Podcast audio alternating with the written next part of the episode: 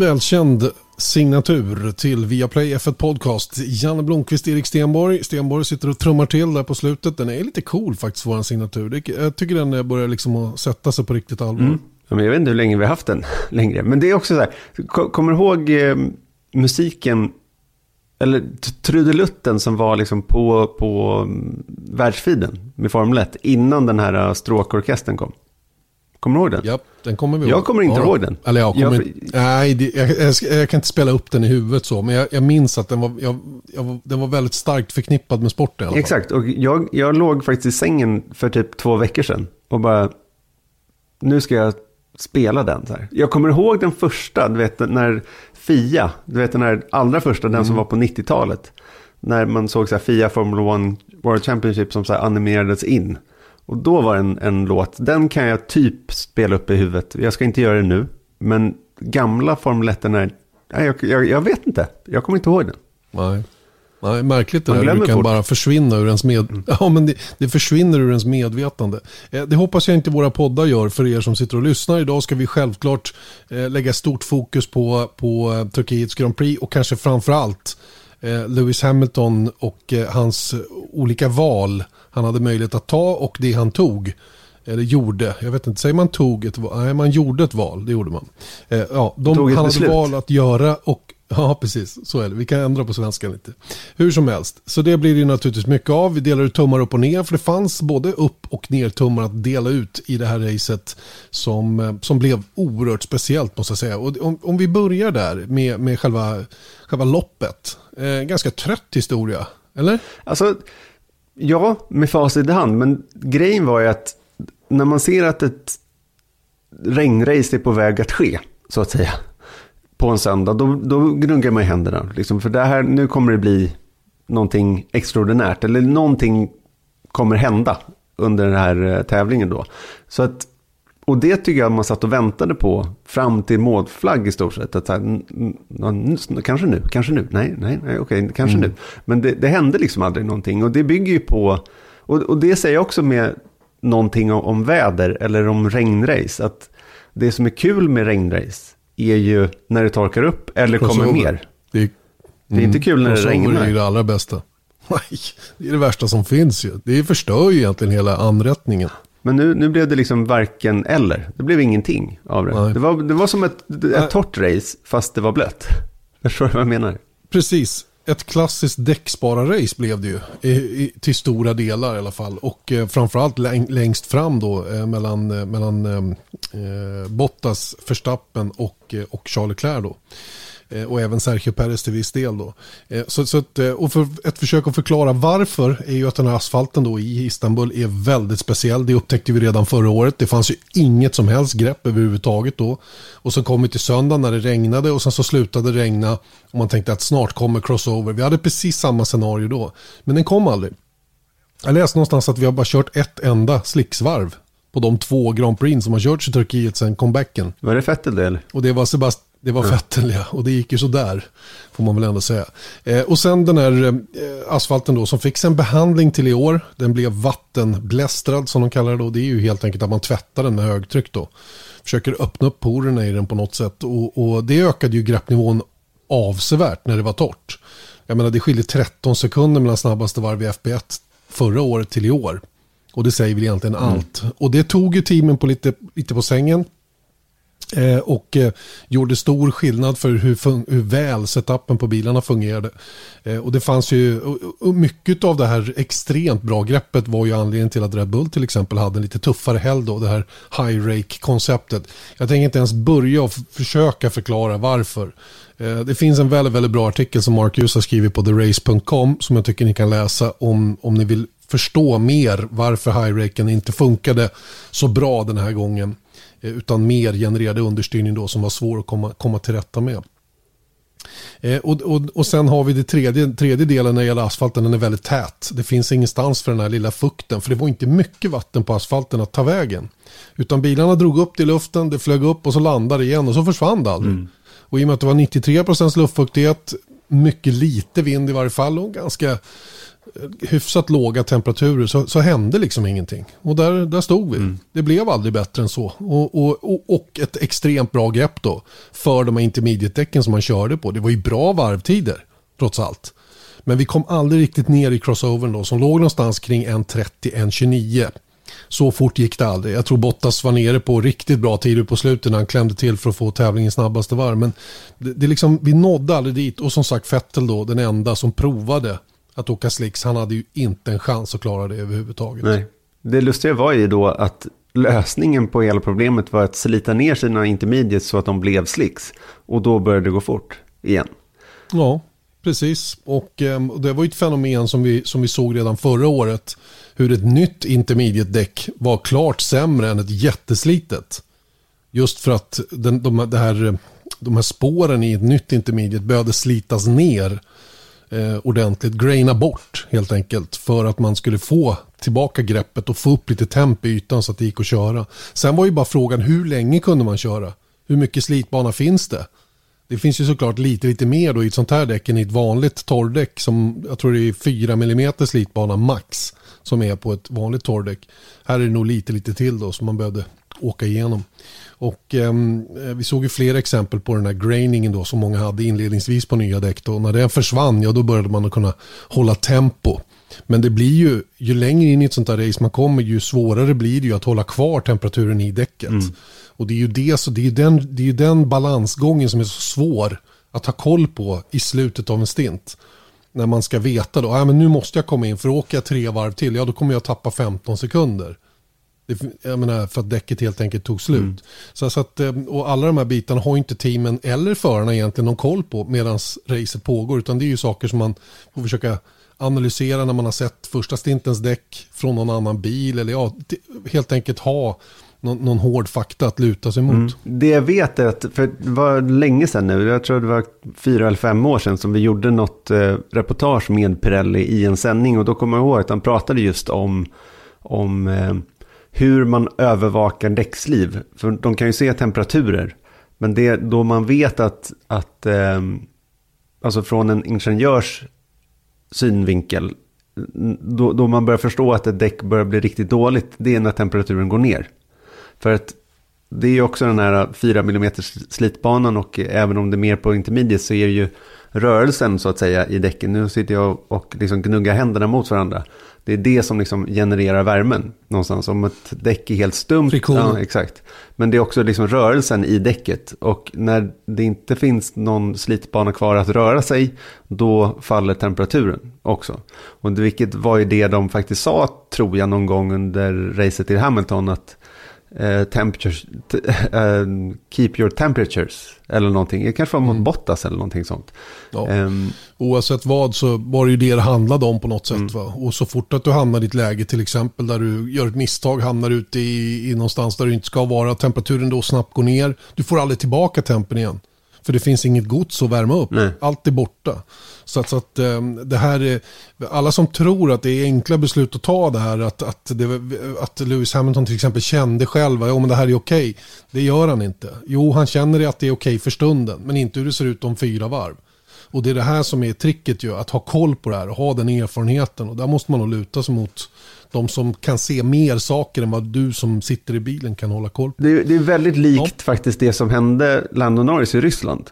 För att han fick frågan om så här, hur känns det? Ja, men just nu känns det bra, men 30 sekunder senare då kändes det inte bra längre för att det kom mer regn. Och det, det, det har ju inte Lando Norris som sitter och kör bilen förmågan att ta beslutet om någonting i framtiden. Däremot så har teamet mer data än vad han sitter på och dessutom så har de en väderprognos i stort sett som de kan ta i backning. Men det kan ju inte föraren göra. Och det är samma sak för Hamilton här. Nej.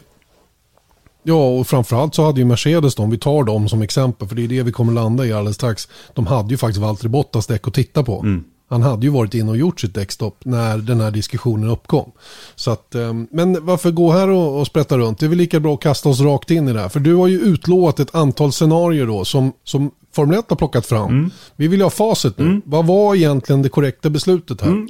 Till att börja med, så för att det de har tagit fram då, eh, det de bygger på är att all data från alla bilar går ju nu mera via Formel 1, vilket gör att Formel 1 kan samla in det här och de har sina egna liksom, ingenjörer faktiskt i, i, i F1-organisationen som kan då ta fram faktiskt skarpa eller liknande analyser som teamen själva gör. Och det här då delar de med sig till oss broadcasters. Så att det har de gjort. De har tagit fram tre stycken alternativa scenarier eh, till vad som hände Hamilton eller vad som hade kunnat ske för Hamilton. Men jag tänkte att scenario ett, det som faktiskt skedde, ta oss igenom det så att vi har, eh, har vi det som facit så att säga. Mm. Och det, det, som då eh, diskussionen handlade ju om att huruvida eh, Lewis Hamilton skulle behålla banposition, stanna kvar och försöka klara sig hela racet på ett och samma sätt däck. Det var ju en del av det. Eh, på varv 42 ville teamet att han skulle komma in för då insåg de att det här kommer nog inte att hålla och för, för att liksom få lite tid och jobba med de här nya däcken som behövde, som behövde köras in lite försiktigt för att, för att ge lite speed så ville de ha in honom på varv 42. Hamilton eh, ifrågasatte beslutet, stannade kvar några varv till men till slut på varv 50 tror jag det var så kom han in och gjorde sitt däckstopp och ehm, eh, åkte ju fort ett varv, men sen hamnade han ju då i den här grainingen. Han åkte alldeles för hårt. Eh, höger bak var det i huvudsak som grainade och han tappade jättemycket fart och hade ingenting att, att sätta emot egentligen. Och slutade då på en femte plats i mål. Och eh, det var ju egentligen Pierre Gasly som, som Merca hela tiden höll ögonen på. De hade ju slutat egentligen att titta framåt för deras del. Utan här var det ju bara att försöka undvika en, en bruten tävling på grund av att man, man drog det för långt så att säga. Eh, Hamilton däremot vill ju titta framåt själv. Han var ju sugen på att försöka i alla fall. Men frågan är om det var rätt att göra det då. Och då finns det ju då eh, tre andra scenarier då som, som det har pratats om och som Formel 1 har tagit fram. Precis, och då börjar vi med scenario två. Vi vet att han slutade femma med scenario ett. Eh, för att han gick i depå väldigt sent i racet. Det här bygger på då att han stannade ute och att slitaget, eller det som kallas då degradation, och egentligen så är inte det ett slitage, utan det är tidstappet i däcket, skulle man kunna kalla det. Um, mm. Och då har de ju då tittat på varvtiderna under hela racet och tittat då på om den här kurvan hade fortsatt under hela vägen in till målflagg. Alltså en linjärt. linjärt. Tidstappet bara blir exakt lika mycket varje varv. Eh, för att tidstapp blev det ju under, eh, när, ju mer liksom däcken slets då. Eh, men poängen är då att den här eh, tidstappet i däcken sällan är linjär. Men nu har de tittat på det bara för att se vad som skulle ske då. Och det som i så fall hade skett är att Hamilton hade tagit position på Leclerc när han gick i depå. Men han faller sedan tillbaka mot Perez. I, i, I analysen så ser man att de är liksom, Perez är i Hamiltons växellåda med två varv kvar. Men enligt den här linjära analysen så hade inte Peres lyckats ta sig förbi. Sen så är det, det här visar ju också att det här inte är helt enkelt facit. För att man vet ju inte, hade Hamilton blivit pressad så hade han kanske behövt försvara sig och kommit ut på en blötare del av asfalten och då tappat temperatur i däcken ännu mer än man faktiskt gjorde. Men om man tittar på det linjärt så hade inte Perez kunnat ta sig förbi, vilket då hade gjort att han, vad, vad blir han då? Då blir han tre. Ja, då blir han tre. tre. Mm. Mm. Mm. Men väldigt stort frågetecken för den tredje platsen då, sett till den analysens, eh, men, men som den då är förklarad. Precis. Mm. Scenario 3 då bygger då på att han skulle få samma typ av, scenario 2 var ett linjärt slitage, men det här har han då applicerat det slitaget som Ocon hade under de sista tio, tio varven. Eh, Tidstappet alltså. Precis. Mm. Mm. Och de har alltså tagit datan från Ocon och applicerat den på Hamilton. Och Ocon då tappade ungefär 0,5, alltså en och en halv tiondel per varv eh, i däcken då. Alltså däcken blir alltså en och en halv tiondel långsammare varje varv de sista tio. Och det här är såklart inte heller helt jämförbart då olika bilar sliter däck på olika sätt. Men man kan samtidigt betänka att Hamilton pushade utav helvete faktiskt under stora delar av racet, vilket inte Ocon gjorde. Och det här bygger på att han ville ta sig upp i fältet från sin tionde position som han startade på. Men, mm, och då ska vi komma ihåg att Ocon, han hade ju redan från start egentligen siktet inställt på att klara racet på ett och samma sätt däck. Och har naturligtvis kört därefter. Ja, och det har ju inte Hamilton gjort då. Men då har de ändå applicerat Ocons slitage på den här en och en halv tiondelen. Vilket då visar då att runt var 50 går Hamiltons däck av, så, som det kallas. Och baserat på de tiderna hade han blivit omkörd av både Perez och Leclerc. Inklusive att Perez då, eller att Leclerc ändå hade gjort sitt eh, depåstopp där på varv 48 som han gjorde. Men trots det då hade Leclerc lyckats köra genom, genom sin graining och varit så pass mycket snabbare än, Paris att, eller än Hamilton så att han hade tagit sig förbi. Det vill säga scenario 3 hade gett en femte plats då. Precis, samma som Om man hade klarat sig i mål. Mm. mm. Precis, och det, exakt, för det var ju det som också är en stor risk här. Att eh, man såg ju Ocons däck när han kom in i, eh, i Park Fermé efter racet att det var ett stort stycke liksom av slitbanan som var helt borta. Och eh, han sa ju själv att bara några kurvor till så hade det kunnat vara klippt. Ska vi lyssna på honom? Det gör vi.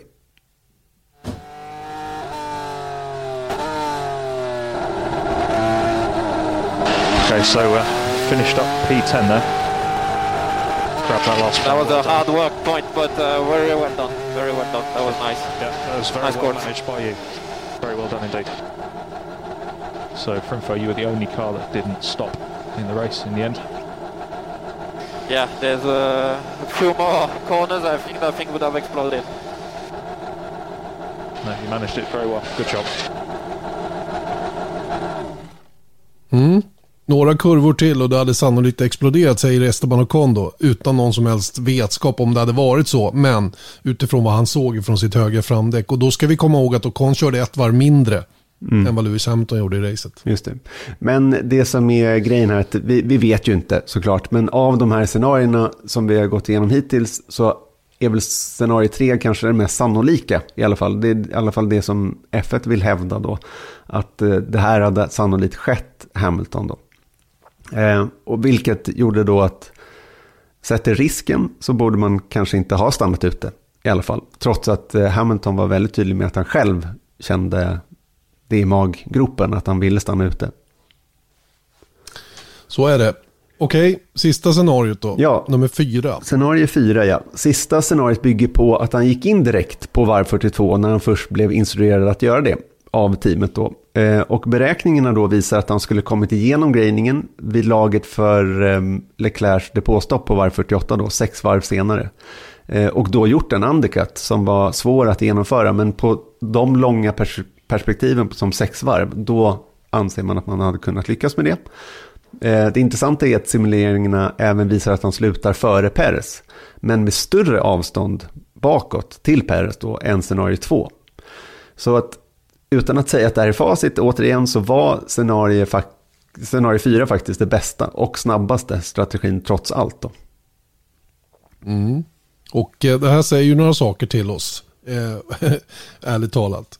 Eh, det har varit stora diskussioner huruvida eh, en del har varit arga på Mercedes för att de, eh, de, de, jag läste att någon tyckte det var uselt av Mercedes att inte lyssna på Lewis Hamilton. Haft en diskussion med någon annan som tyckte att, eller som menar på att ja, Merca kanske till och med gav bort VM-titeln bara för att man inte lyssnar på en sjufaldig världsmästare och så vidare och så vidare. Jag har hävdat att det är svårt att argumentera mot kanske 50 personer som har som uppgift att hålla koll på alla de här bitarna och har helhetsbilden eh, Eh, utifrån det perspektiv man har i bilen. Jag har stor respekt för att Lewis Hamilton naturligtvis vet hur det känns men fortfarande det är bara för stunden. Han kan omöjligt veta hur det ser ut om 3, 4, 5 varv i det här gränslandet till vad som var möjligt. Och eh, det är ju det, och för mig så blir det ju supertydligt här att teamet visste vad de höll på med. Men, men de gav Lewis Hamilton the benefit of the doubt. Lät honom hänga kvar något varv. De visste att möjligheterna att göra någon större skillnad minskar ju för varje varv han blev kvar där ute. Men som sagt, den de höll koll på var Pierre Gasly. Jag tror att den där femteplatsen det blev, den hade de nästan kalkylerat med under en längre period. Men om de hade gått in på varv 42 så hade åtminstone chansen funnits till någonting ännu bättre. Så att, eh, och det här kommer de ju förmodligen fram till då tillsammans när de får analysera situationen allihopa då. Och, och, eh, jag tror inte det här handlar om förmåga att behålla liv i däck och sådana här saker. För vi såg ju alla hur Lewis Hamilton körde i början på den här stinten, eller mitten av den också för den delen, det var hårda tag alltså. Och eh, sett till då återigen Ocons däck, höger framdäck då som vi kunde se väldigt tydligt var illa skadat, men likadant bak, så var det ju ytterst på marginalen att åka hela racet på ett och samma sätt däck. Istället hade det bästa varit då att komma in på varv 42. Mm. Vilket då man kan visa då att här, om, om vi vänder på det. Tänk vad som hade skett om de hade släppt Hamilton och det hade blivit scenario 3 då när han hade tappat lika mycket som Ocon hade, gjorde de sista tio varven. Eh, men sen då med ett varv kvar så hade vänster fram eller höger fram exploderat. Då hade ju de fått skita också. Och då hade nog VM mycket väl kunnat vara avgjort. Exakt, va? och de spelade det säkra spelet här, vilket de gjorde helt rätt i naturligtvis. Va? Och eh, jag, jag jag, det här är ju fascinerande på alla sätt och vis. Och det är ju så, det är roligt tycker jag att alla är så engagerade i det här. Men det är väldigt, väldigt svårt att och, och liksom kunna säga emot när de har så mycket data eh, att, att luta sig mot eh, genom det här. Jag förstår att Lewis Hamilton också i viss mån tänkte sig att köra tills det blev torrdäck. Men de kom ju aldrig. Och när det är så lite varv kvar som, som eh, åtta, då är ju Mercedes tvingade att göra något för att inte även tappa Pierre Gasly. Så att det var ju därför, nu blev det en, en, en mellanmjölkshistoria från Mercedes och Lewis Hamiltons sida. Och den får faktiskt Lewis ta på sig en del själv. Även om han var förbannad efteråt och sa så här om hur han kände det direkt när han klev ur bilen. I feel like I should have stayed out. My gut feeling was to stay and I should I feel like what I should have done. So frustrated in myself for not following my gut. Um, but I work as a team so did the best I could with the advice I was getting. Mm, han gjorde det bästa med de råd som han gavs och vi jobbar som ett team säger han då. Men magkänslan, det är ju sånt som du brukar luta dig mot. Den, den eh, sa att han borde ha stannat kvar ute. Va? Jag, tror inte han, jag tror att han gjorde rätt i att inte lita till magkänslan faktiskt den här gången utifrån min Eh, mitt lilla lekmannaperspektiv som, som jag har då och baserat även på vad Pirelli har sagt i efterhand där Mario Isola sa att det var med stor sannolikhet att han inte hade klarat målflagg om han hade hängt kvar på ett och samma sätt däck. Mm. Alltså i slutändan, det hade inte blivit någon succé om han hade stannat ute heller. Nej. Det kan vi konstatera. Vilket är hela poängen. Ja. Eller hur? En annan sak är ju då eh, att Hamilton var arg över radion. Eh, också någonting som har tagits upp i efterhand. Eh, och jag, jag, jag, jag, fattar inte sånt. Varför? Det, det, är väl klart som fasen att en driver i den här situationen morrar till och härjar. Jag menar, Erik känner ju mig, han vet att jag är exakt sån. Mm. Men jag är inte sån egentligen. Mm. det är precis samma sak. Ja, oh, men, hallå, kom igen. Ge mig det. Ge mig det. Jag är snäll som en björn egentligen. Men jag kan vara arg som en björn också. Du har ett gott hjärta. Exakt. Mm. Och det har ju de allra flesta idrottsmän som liksom man brusar upp och blir förbannad i stunden. Va? Och sen så går det över. Det är ju ingenting man går och släpar på. Och det, det där det har ju Mersa sagt också. Vi har, vi har tillräckligt tjockt skinn på näsan för att tåla lite, lite hårdare ordalag så att säga över radion då i en, i en tät och svårbedömd situation. Så det, jag fattar inte ens varför man lyfter det. Och så Hamilton som sen då eh, känner att opinionen blåser lite emot honom och känner att han måste skriva ett långt Instagram-inlägg där han mer eller mindre ber om ursäkt för hela den här grejen. Lägg av. Ja. Skitsamma, det är bara kör. Klart man måste lacka lite emellanåt. Ja, det är ju, den aspekten måste ju finnas. Det, är ju, det vill vi inte ha. Nej, man måste få vara förbannad. Man behöver inte göra sig till åtlöj och hoppa person på hopp och sådana grejer. Men man kan reagera på saker som man kanske inte är supernöjd med. Absolut. Mm. Ni lyssnar till Viaplay F1 Podcast. En väldigt bra podcast för övrigt. Eller hur? Ja, helt objektivt. Det är en av de bättre jag har hört. Mm. En av de bättre jag har hört faktiskt. Mm. Mm. Eh, vi, vi, eh, vi har precis eh, försökt i alla fall att analysera då eh, Lewis Hamiltons situation i racet senast då. Där han alltså var motorbestraffad, tog en ny förbränningsdel, alltså själva motorn på PUn och fick 10 platsers nedflyttning. Startade 11 med ambition att ta sig uppåt men landade då bara inom citat på en femteplats i mål och vi har tittat på de olika varianterna på lösningar Mercedes och han själv hade att jobba med under de avslutande varven. Vi har kommit till den fantastiska delen av denna podd där vi ska dela ut lite tummar upp och ner, Erik. Mm. Jag tänkte att nu när vi är liksom inne på Lewis Hamilton så, så kan vi väl ge honom en nedåt-tumme. För att oavsett rörigheten runt depåstoppet eh, som vi var inne på innan breaket där, så var det liksom ingen stolpe in för Hamilton den här helgen. Och då tänker jag då på stolpen in som Verstappen hade i Ryssland. När han slutade tvåa från längst bak och Hamilton endast då lyckades avancera till P5. Det tycker jag säger allt. Att det var en sån här uh, off-weekend på en bana som bevisligen passade Mercedes bra om man tittar på vad som skedde Bottas. Mm. Vi kommer ju i ett sånt här läge igen nu då, där var Hamilton sätter ribban, gör var man börjar bedöma honom. Killen var snabbast på kvalet. Mm. Han hade alltså allra bästa kvaltid. Vilket många andra kommer att få beröm för. Eh, bra kvalinsatser med mindre bra racinsatser längre ner i den här eh, tummen upp ner-listan. Eh, du vill dela ut en tummen ner? Ja, lite grann kanske då. Ehm, överraskande länge bakom Yuki Tsunoda, tycker jag. insåg att risken var väldigt stor att göra någonting på den här japanen som man inte känner riktigt heller. De har ju aldrig raceat varann. Nej, och kanske är en Alfa Tauri. Exakt, va? det var många faktorer som gjorde. Det, det är återigen tycker jag på pluskontot att han är, han är smart Hamilton i det här läget. Som, som tänker på de här bitarna och kör därefter. Och när han verkligen gjorde omkörning då var det skottsäkert. Mycket, mycket bra gjort just det. Men det var överraskande många varv ändå där bakom som, som kostade en hel del. Eh, och eh, säkert höll honom tillbaka då från att avancera ännu mer. Eh, och bara fem platser från en start P11. Eh, ja, eller sex platser blir det då Eh, som sagt, det är ju inte samma goda betalt som Max Verstappen fick. Eh, då ska vi se att Max Verstappen fick ju lite till skänks då i Ryssland med det här regnet som kom på slutet. För han hade ju fastnat på ett liknande sätt. Mm. Ärligt talat. Även om han hade kommit högre upp i antal eh, vunna positioner då. Från 19 eller 20 eller vad han startade där. Han var sjua när regnet ja. kom. Så det var ju, ja. Och där hade han sannolikt blivit kvar i Ryssland då. Men, men eh, det är klart att det är ju, lång, ju längre bak man kommer desto långsammare bilar är det ju. Men samtidigt mm. så tycker jag ändå att med en Mercedes might och på den här banan i Turkiet så, så var det, alltså jag menar, hade det bara, vi var inne på det i början här, att hade det torkat upp eller hade det blivit changing conditions, då har jag stort förtroende för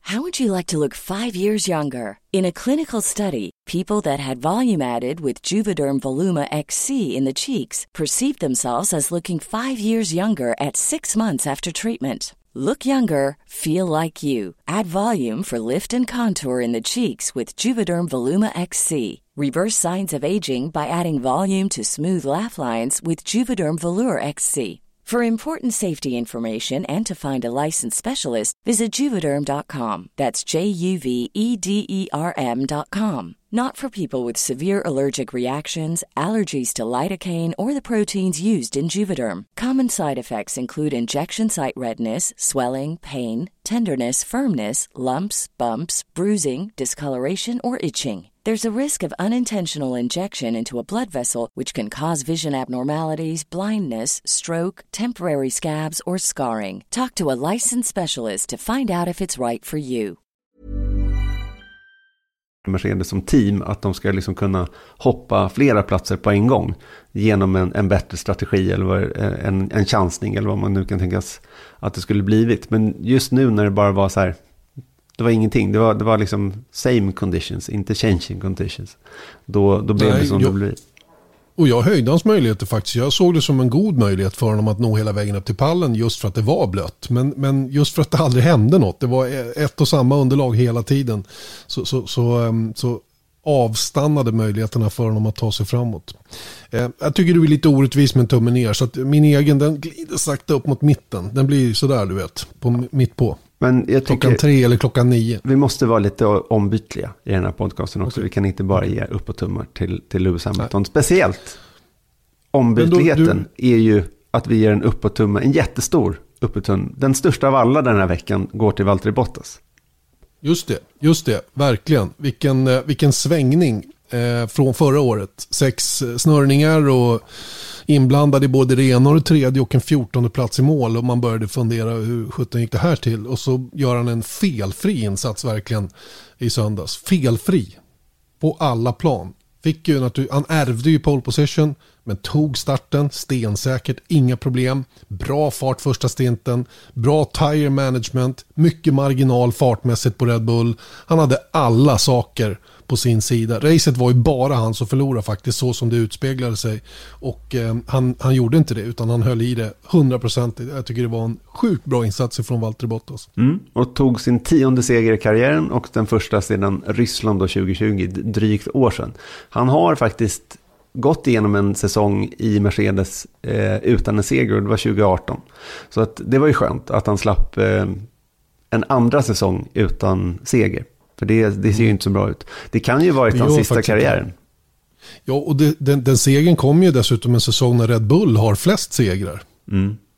Det, så på det viset är det här en starkare prestation då än, än ja, hur som haver. Bra gjort av Valtteri Bottas. It feels feels awesome, you know, feels feels good, and uh, I don't know, almost like a relief that I actually won won a race this year. Um, it's been been a while, so yeah, really, and it was not not an easy race win. So with these conditions, just needed like full focus, non non-stop, and uh, couldn't do any mistakes. And actually, you know, the pace I had was really good, so uh, I was confident with the car. Since Monza, things have been going quite quite well and quite nicely, and uh, definitely have less pressure about it. Well, there's no pressure about anything, so I can just really enjoy, focus on the driving and um, that seems to work. Mm. Eh, slappna av och bara sköta sin körning och det verkar funka säger han. Mm. Det gör ju det. Det gjorde det på Monza. Det funkade inte i Ryssland men det funkade här. Så jag tycker det är lite lustigt med Valtteri Bottas ändå att, eh, att han har liksom on weekends och off weekends. Det är ganska tydligt vad gäller honom. Men jag hoppas nu för hans skull och att liksom kunna liksom runda av sin sejour i, i Mercedes med eh, liksom en, en, en lång sträng av bra race. Så att han kliver in i eh, hans nya roll i Alfa Romeo till nästa säsong med liksom gott självförtroende. För att jag tror verkligen att självförtroende eller självförtroende är viktigt i all idrott, men jag tror att det där kan sätta sig i hjärnan hos förare och det är inte bra att ha det under en vinter. Nej, problemet är väl att det är Hamilton som är tokprioriterad för de sex tävlingar som återstår här och det kommer ju komma gånger när Bottas får vika hädan så att säga då och det kommer ju påverka hans möjlighet till bra resultat. Så han får suga på den här karamellen verkligen och jag tycker han är så förtjänt av den här tummen upp eh, i årets upplaga av Turkiets Grand Prix. Men vi har fler tummar upp. Ja, till Max Verstappen såklart då. För att han gick in i, i tävlingshelgen i Turkiet då två poäng bakom Hamilton och han kommer ur den sex poäng framför då. Och det är ju, apropå den där nedotummen till Hamilton så är det här så jäkla bra för Verstappen på en på pappret då svag Red Bull-bana. Mm. De, de, tog verkligen ut det som fanns den här gången. Eh, det gick liksom inte att göra mer och det syntes tydligt på Max Verstappens körning också. Han försökte hänga med såklart. Han ger ju inte bort någonting men det handlar ju väldigt, väldigt mycket om att ta hand om däcken för hans del. Eh, och eh, han insåg nog ganska snabbt att Valtteri Bottas hade mycket marginal. De, de få gånger han gjorde några försök till att liksom täppa till luckan så, så var Bottas där och, och, och skyddade sig utan några som helst problem. Och han körde efter det väldigt tålmodigt ihop med teamet på ett bra sätt. En svår helg som du sa då, den här high rake bilen funkar ju inte på den här eh, greppiga banan i Turkiet. Det är konstigt att man går från en bana som är väldigt Eh, ogreppig till att vara väldigt greppig istället. På det sättet som, som det blev här i Istanbul. Men, men, och det tog nog Red Bull lite grann med överraskningar. Men de verkar ha problem när de måste köra mycket downforce. De behöver trimma av bakvingen lite grann för att balansera ut bilen. Och det, det lyckades inte. Den är känslig för det just eh, på för mycket greppiga banor så att säga. Men en stark insats och jag, är, jag tror inte att han hade kört på det här viset för ett par år sedan. Så här visar han mästartakter, eh, Max Verstappen, som, eh, som eh, sa så här då om eh, hur, hur det var. Yeah, I mean, uh, I think we had, a, in general, quite a, a decent race. Um, I think we maximized the result. Valtteri was uh, a little bit faster, but of course, this whole weekend we were a bit behind in pace compared to Mercedes. Um, and this race was all about just managing the tires to a certain lap. We then had to pit for another set and again bring that to the end, um, which wasn't the most fun to drive because normally you you want to push a little bit more, but yeah, as a team, you know, to finish second and third here was uh, was a very good result. I wish I had a bit more pace in the car, so it would have been a bit easier. But uh, we are in the fight, and we'll uh, yeah we keep fighting. Um, and we'll see in the coming races how competitive we are going to be. Så är det. De eh, räckte inte riktigt till mot Mercedes den här helgen, men tror och hoppas i alla fall båda två att de nu har tagit sig igenom det allra värsta. Eh, det var det, en till tumme upp här. Mm. Och det är inte till en förare eller ett team utan det är till en funktion på en bil och det är en DRS-vinge, bakvingen där som man kan fälla ner på vissa ställen på banan. Och eh, man förstår liksom inte hur mycket något betyder förrän man förlorar den. Det är ju en gammal floskel, kanske när man har förlorat en pojkvän eller en flickvän eller någonting sånt. Men jag saknade DRS när man för en gångs skull inte fick ha den. Man saknar inte kossan förrän båset är tomt. Så kan det vara också. Men då är man mm. kanske lite mer liksom, Bonnig. ostockholmsk som jag är. Okej, okay. jag hör vad du säger. Och faktum är att jag håller med dig. Jag tycker att det var synd att de inte fick använda DRS. Det var ju... Eh, Eh, det kändes efter ett tag som att det kanske, men sen så började jag tänka efter det. Ja, men det kanske är så att tävlingsledningen inser att det, det går att köra om i alla fall och de tyckte att det var eh, svårt utanför eh, raceline och bla bla bla. Jag, jag vet faktiskt inte varför de inte släppte på DRS. För DRS hade de ju under föregående, föregående år så användes ju DRS. Så jag, jag har ingen riktigt bra förklaring. Jag har inte sett något från Michael Masi heller om varför man lät DRSen vara hela racet. För det var inte så svårkört och det var inte några extrema förhållanden där ute som de hade gott och väl kunnat låta den vara på eh, för användning då på de här två raksträckorna som var. Då hade vi sett mer avancemang och mer action, ja, i alla fall fler passeringar. Ja, men jag tror det faktiskt också.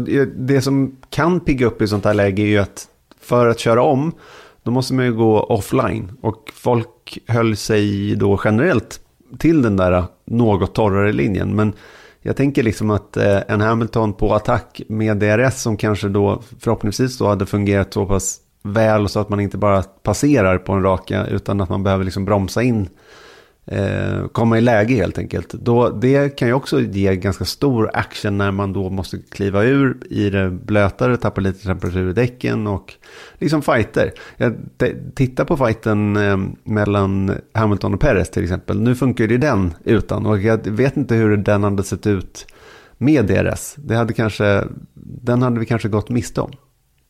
Ja, det är möjligt. Och eh, faktum är att den får en rejäl tumme upp den fighten också. Men nu får han greppet om Sergio Perez. Här kommer han nu. Sergio Perez håller insidan. Hamilton på utsidan på kurva 12. Perez kommer att försöka bromsa ut honom här. Och det vet ju Hamilton som måste vara försiktig. Eh, Perez försöker ta honom på lång resa utan att klara det. De är jämsides. Här är det kritiskt nu för Hamilton. Eh, Perez kvar på insidan. Aggressiv på Lewis Hamilton. Ut på start och mål. Best Traction kommer att vinna där. Dragracet ner mot första kurvan. Perez gör vad han kan men Hamilton reder ut det där. Riktigt, riktigt skickligt gjort. Men Perez kommer tillbaka in i första sväng och är faktiskt fortfarande framför. Den trodde jag var omkörningen, trodde jag var klar, men Perez ville annat. Ja visst, precis samma kamp som vi såg mellan Hamilton och, och Button eh, för en mängd år sedan. Lite puls där på Janne Blomqvist. Mm. Visst, orden satt väl inte perfekt, men det gör inte alltid det. Ibland får man ett sånt där flow där det bara rinner. Eh, men det gjorde det inte den här gången. Men det var oavsett, oavsett det så var det en sån här, det var en, det var en av de få riktigt heta situationerna i racet känner jag. Där mm. man behövde höja rösten lite. Mm. Och den hade kanske vi gått miste om med DRS, det vet vi inte. Sannolikt, eller, så hade vi, sannolikt. eller så hade vi fått flera sådana genom racet med DRS, det vet vi inte heller. Men upp eh, tummet till eh, den fighten och till Sergio Perez om man tittar på hans race. Inte om man tittar på hans kval, för det är fortsatt svårt för Paris att, att eh, sätta ihop de där varven som man behöver. Men racea kan han. Mm. Det är lite intressant, jag, jag, jag, tror jag nämnde en artikel på TheRace.com eh, från Mark Hughes där han förklarade då vad som är grejen med Red Bull-bilen. Och här kommer vi in lite grann på det som är problemet för förare av typ Perez, Albon, Gasly jämfört med Max Verstappen. Eh, den här bilens koncept, hela konceptet för den här bilen handlar om en väldigt orolig bakände och en bil som är på näsan. Väldigt eh, mycket grepp fram men desto mindre bak. Och den har egenheter som, eh, som väldigt få bemästrar. Eh, om man inte får köra väldigt länge med de här förutsättningarna. Eh, och det gör ju då att Red Bull skulle kunna välja då att vara lite mindre extrema, få en långsammare bil men en snabbare förare nummer två Förstår du? Mm, och de mm. har ju valt att, att gå för bilens maximala potential eftersom Max Verstappen uppenbarligen klarar av det. Och trade-offen blir då att nummer två-föraren då inte riktigt orkar att vara på den nivå där den egentligen behöver vara för att hjälpa till då i jakten på att vinna en första konstruktörstitel sedan 2013 för Red Bull. Mm. Och de ligger efter nu vad jag vet. Jag tror mm. att de ligger efter 35 poäng, poäng eller någonting. Ja. ja, 33 eller 35 eller något sådär. Mm. Det, det, det, börjar bli ont om tid nu. Och Christian Horner uttryckte det under helgen att nu vi är i desperat behov av en Perre som tar lite större poäng nu om vi ska kunna ge Mercedes en match. Och senaste gången, jag tittade lite grann som, som ett team vann det ena och ett team vann det andra mästerskapet tror jag var 2008 faktiskt när Ferrari mm. vann konstruktörs-VM men där Lewis Hamilton för McLaren vann förar-VM. Så det är länge sedan. Ja, vilket leder oss in på att det här var alltså blott det andra dubbelpodiet för Red Bull den här säsongen. Det är väldigt lite med tanke på att man ser då på att, eh, att ehm, Red Bull har vunnit flest tävlingar under den här säsongen och kanske har den snabbaste bilen också. Och det här var Peres första pallplats sen Frankrike och det var nio racen. Så att eh, inte leverera han på löpande band Nej, inte ännu. Och eh, nu är det ju sista året på det här reglementet. Nästa år blir det ju en helt annan typ av bil. Och eh, jag tror inte att det kommer att vara samma problem för, för Perez att matcha Max Verstappen när båda måste ta sig an ett helt nytt koncept nästa år. Det ska bli väldigt intressant att följa under alla omständigheter hur det här nya bilkonceptet kommer att funka för alla. Och vem det är som, som liksom har lite övertag på de andra. Jag är inte alls säker på att ordningen på teamen kommer att se likadan ut nästa år som den gör i år. Just av den anledningen. Vi har ett antal kandidater som jag tror kan vara med på riktigt allvar. Och det, det, en av dem är de som får nästa tumme upp. Just det, Ferrari. För det var ingen jackpot till helg kanske, sett till resultaten. Men det känns som att det finns någonting att bygga på nu i den där bilen. Eller den där motorn ska man väl specificera det ännu tydligare då. Och på de som kör den där bilen. För de tycker jag är väldigt starka. Nu var Leclerc liksom blev lite där stolpe ut där mot slutet. Men Sainz från sist upp till åttonde plats, driver of the day för första gången i karriären. Men jag tycker att det var väldigt förtjänt också. Och jag tycker att det är kul att man ser lite hopp runt Ferrari. Mm, det var ett tag sedan nu som de var riktigt, riktigt starka. Eh, tre, tre år sedan och 19 var ju senaste säsongen de hade konkurrenskraftigt material och har ju fallit tillbaka rejält efter det men är på väg tillbaka. Då. Det här nya IRS-systemet som de tog i bruk då redan till Rysslandshelgen för Charles Leclerc och nu på Carlos Sainz-bilderna här helgen har ju uppenbarligen varit ett steg framåt för deras del. Det gör ju att de säkerligen har lite mer marginal med hur de sätter upp bilen rent downforce-mässigt alla de här bitarna när det drar lite mer jämnare kanske över hela hela eh, spektrat så att säga för deras del då. Eh, men framförallt den här ERS som de nu har tagit fram ska ju sitta på motorn till nästa år. Och eh, jag vet ju att de håller på att bygga en helt ny motor i övrigt också som de ska köra då från och med starten på nästa säsong. Och alltihopa det sammantaget gör att jag tror väldigt mycket på Ferrari. Jag tror inte de heller har legat på latsidan när det gäller själva bilen. Och eh, det här, kan, eh, det här kan bli precis hur bra som helst. Det är ju det team som man är mest nyfiken på egentligen inför 2022 just nu. De andra är liksom, har vi ju sett vara med i toppen nu, Red Bull och Mercedes. Eh, vissa, jag är i viss mån lika nyfiken på McLaren för jag tror att de också har någonting bra i bakfickan till nästa ja, jag, år. Jag skulle Hoppas precis det, säga det. Jag skulle precis lägga till McLaren i det där skiktet också. Men jag, jag vet inte, på något sätt så bara av ren så här magkänsla, eller teoretiskt, så borde Ferrari ligga bra till om man, tänker, om man betänker då på att visst, nu slåss de om tredjeplatsen i konstruktörs-VM, men det är inte hela världen för ett team som Ferrari. De har gott om pengar som det är. McLaren är det viktigare för att komma trea just i år. Men om man betänker då att det här reglementet som vi ska in i 2022 och framåt, att jag menar, de är väl medvetna om vad eh, Mercedes gjorde, till exempel, till 2014. Och de vill ju ha det där försprånget som, som eh, de hade då 2014 med eh, deras väldigt bra motor framförallt i, i, i det fallet då. Men jag tror att Ferrari har nog inte tittat på den här säsongen speciellt mycket överhuvudtaget. Nu råkar det falla sig så att Mercedes och Red Bull antagligen då har tvingats titta på den här säsongen mer än vad Ferrari behöver göra. Så vilket i teorin då bör göra Ferrari väldigt eh, väl förberedda till 2022. Mm. Och faktum är att Ferrari hade ju en rätt så bra bil tror jag redan till 2020. Det var ju bara det att någon snodde 50 hästar från dem. Eh, med all rätt ska vi väl tillägga. Eh, och det har ju gjort att de har ju liksom fått försöka jobba sig tillbaka till den nivån då. Kanske inte riktigt det där ännu helt och hållet men eh, närmare i alla fall. Och Eh, i kombination med att man även har fått justera till bilen då mellan 20 och 21 lite grann så, så, så börjar det liksom att falla på plats för deras del. Eh, oavsett en, en eh, bra helg för Ferrari rent generellt då, och eh, som sagt Driver of the Day-utmärkelsen gick då till Carlos Sainz för hans underhållande körning i många stycken då där han till och med var och stötte lite grann på Sebastian Vettel. Eh, han var på klättrade på kurben där inne i kurva 12 och då tappade han lite kontrollen över bilen och den smällde ihop en aning. Men det var ytterst lite och eh, en marginell inbromsning som ändå höll för hans del.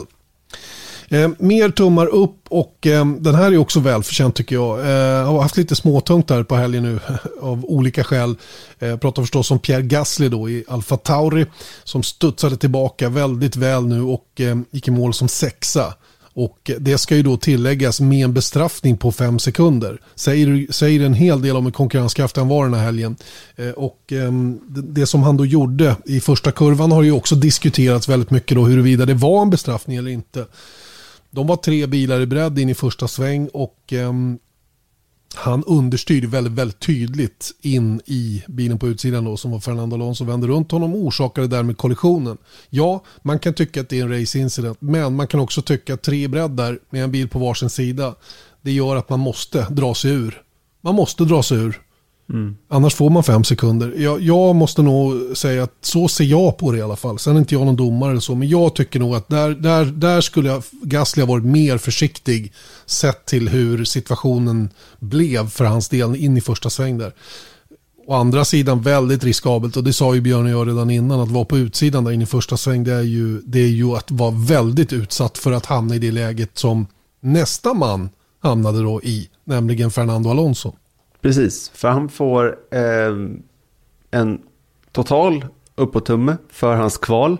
Men lite för high risk för att få en high reward i racet där. För Gasly var en sak, men när han sen då, efter att ha snurrat då, jagade som en galning, så snurrade han i sin tur på, på Mick Schumacher och slutade eh, till slut då på 16 plats. Medan då Con tog tionde och sista poängplats då med sin annorlunda strategi då. Men han hade tre poängplatser i rad fram till dess och man märker ju, och det var ju något som ni var inne på i, i sändning där inför start, att så här, nu ska vi kolla på Alonso och han gick ju före. Det var ju en så här typisk Alonso-start som han hade tänkt sig. Nu, nu föll det på att han blev vänd då på, på Gasly, men därefter så var han ingen... Eh, Nowhere. Nej, ingen höjdare. Han hade lite skador tror jag på bilen, men det, det tycker inte jag förklarar någonting egentligen. Jag tycker han gjorde ett ganska dåligt race. Det kändes som att luften gick ur honom där. Dels när han blev snurrad själv och dels när han eh, gjorde den där rätt klumpiga manövern på Mick Schumacher också då, som kostade honom då fem sekunder i, i bestraffning också. Det, han kom ju liksom ingen vart efter det där, utan det var klums, klumsigt gjort utav honom då. Och, och, så synd med tanke på att han hade kvalat sexa då dagen innan och gjort ett jättebra jobb och hade alla möjligheter att åka in eh, på en eh, fjärde poänggivande position i rad. Eh, vilket eh, de uppenbarligen hade fart för då i, i alpinerna. Men, men eh, lite sloppy från honom. Jag skulle säga att tummen är övervägande ner för hans del. Visst, kvalet var mm. bra, men då får man nästan dela upp det på två dagar, vilket vi var inne på tidigare då när vi gav lite, ja, lite ner då för, för Hamilton. Han hade ju ändå pole position, eller i alla fall snabbaste kvalvarv och, och vi tyckte att det gick lite halvtrögt i racet. Eh, samma med Peres där. Så det, det är svårt det där. Med, med, men eh, det är på söndagarna poängen delas ut. Och för söndagsinsatsen får faktiskt Fernando Alonso ganska tydligt tummen ner. Mm. Jag vill lägga till en som vi inte har på listan, men det är till Danny Ricciardo också. Han, jag tror han slutade 13 eller någonting sånt där. Och där kan man ju snacka om att ja, vi hade ju ögonen på honom i, i Ryssland och eh, även här då efter den här segern på Monza. Om att han kanske har liksom vänt blad så att säga och eh, liksom kommit underfund med den där McLaren-bilen. Men det har han inte. Inte i sån här miljö i minsta fall. Och jag tycker jag menar nu kom Norris sjua, vilket säger väl ganska mycket också att man är så här, tenderar nästan att ge honom en nedåt tumme för det också, fast han kommer sjua. Det, det säger ganska mycket om hur, hur långt de har kommit med, eh, eller hur långt Lando Norris har kommit i sin bil då. Men, men Ricardo är ju, han har precis samma problem som han har haft under hela säsongen. Ja, så är det. Och eh, den där bilen var ju inte speciellt bra att köra heller. De här långa kurvorna var ju någonting som, som Lennon Norris menade var i deras, till deras nackdel. Och man kan nästan se att den där, det hängde med dem. För det brukar ju vara rätt stort gap mellan Lando Norris och, Daniel Ricciardo. Det, är liksom, det gick att applicera på båda två. Det, dock hamnade den ena utanför topp 10 och den andra ganska långt ner eh, på topp 10-listan. Så eh, det, det, var, det var en sån där helg som de hade på Sandfort igen tycker jag. Där de inte hade någon pace egentligen att tala om eh, överlag från McLarens sida. Så att eh, de får ta nya tag då när vi kommer till USA som är nästa race. Eh, om en och en halv vecka då. USA som, eh, och Kota, Circuit of the Americas då, som har fått väldigt mycket kritik efter det att MotoGP var där. Mm. Eh, underlaget är undermåligt och det där har vi känt till ända, egentligen ända sedan första året. Det har varit ojämnt och underbygget under asfalten tror jag är det stora problemet. Att bärlaget inte håller och eh, att det har gjort att det blir som vågor. Upp mot kurva 1, genom Essen delvis, men framförallt på bakraken. De, de flög ju nästan så bilarna lättade lite grann. Va? Och de försökte hyvla av de här knölarna som blev. Och men nu har ju MotoGP sagt att nu lägger ni om hela asfalten, annars kommer inte vi tillbaka. Och jag vet att Michael Masi eh, hela helgen var i samspråk med, med sin motsvarighet hos MotoGP då för att se vad, vad, vad som var det aktuella problemet här. Och det där är inte bra när de, får, när de får så stora skador på asfalten som de har där och så tajt på måste försöka göra någonting åt det. För det är ju aldrig, det är aldrig bra. Och jag kan, jag kan inte riktigt fatta att de inte har varit på det där tidigare. För det här har ju varit ett känt problem under många år just att Circuit of the Americas är väldigt ojämn. För det är ju en sån fantastiskt fin banlayout i övrigt. Det är ju ny, den är ju, påminner ju väldigt mycket om Istanbul tycker jag på många sätt. Ja, och den är ju byggd på, alltså jag ska inte säga ett, ett träsk, men det är liksom eh, våtmark helt enkelt. Det är, där, det är det som var där tidigare. Så, det var liksom, så de har ju liksom försökt dränera och fyllt det där med sand då. Och då, då sjunker det väl ihop ju längre tiden går helt enkelt. Mm. Ja, och sen så, ja, just mitt på rakan där har jag ingen riktig förklaring till varför. Men annars är det ju ofta inbromsningszoner och där asfalten tenderar att väcka sig lite grann då, där det kan bli på det viset där däckens grepp Eh, liksom skjuter asfalten framför sig då. Det blir eh, ojämnheter av den anledningen. Men, men här verkar det vara mer, precis som du säger då, att, att det blir på grund av att det under är för dåligt helt enkelt. Annars är Austin ett, ett fränt ställe. Det var ju länge osäkert om det skulle bli något race överhuvudtaget där borta i USA. Men eh, det, det verkar gå att genomföra trots allt. Ja, alltså av allt att döma så, så är det inga som helst konstigheter nu. Um, det, det, har ju varit problem för media i, i viss mån då, men det är klart att det har ju varit sånt där som man kunnat lösa. Men, men eh, inget snack om att de eh, ska genomföra racet i det här läget. Verkligen inte, snarare tvärtom. Utan eh, vi ser fram emot det. Ehm, vi har inte så mycket mer att tillägga nu efter den här eh, veckans, ehm, det, här senaste racet då som vi hade. Eh, lite tv-tips på slutet, vad tror du om det? Ja. Hur är du, hur är du i köket, Erik? Ja, just det. Ja, du tänker så ja. För jag tänkte, ja. jag bara, shit, shit, shit, shit. Uh, vad är det nu vi ska visa? Ingen Formel 1. Ja, men visst. Det, det, men det, det, här, det här är din grej. Du får det här köra. är min grej.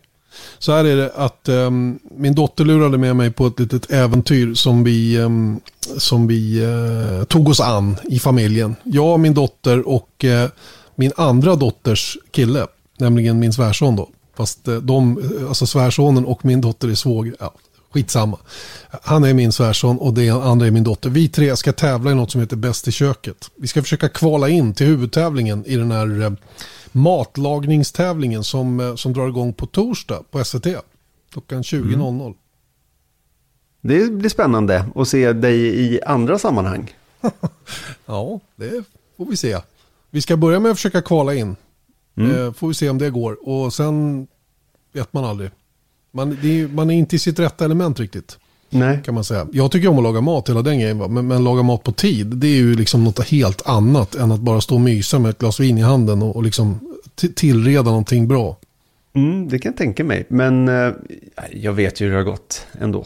Så att eh, vi hoppas och håller tummarna.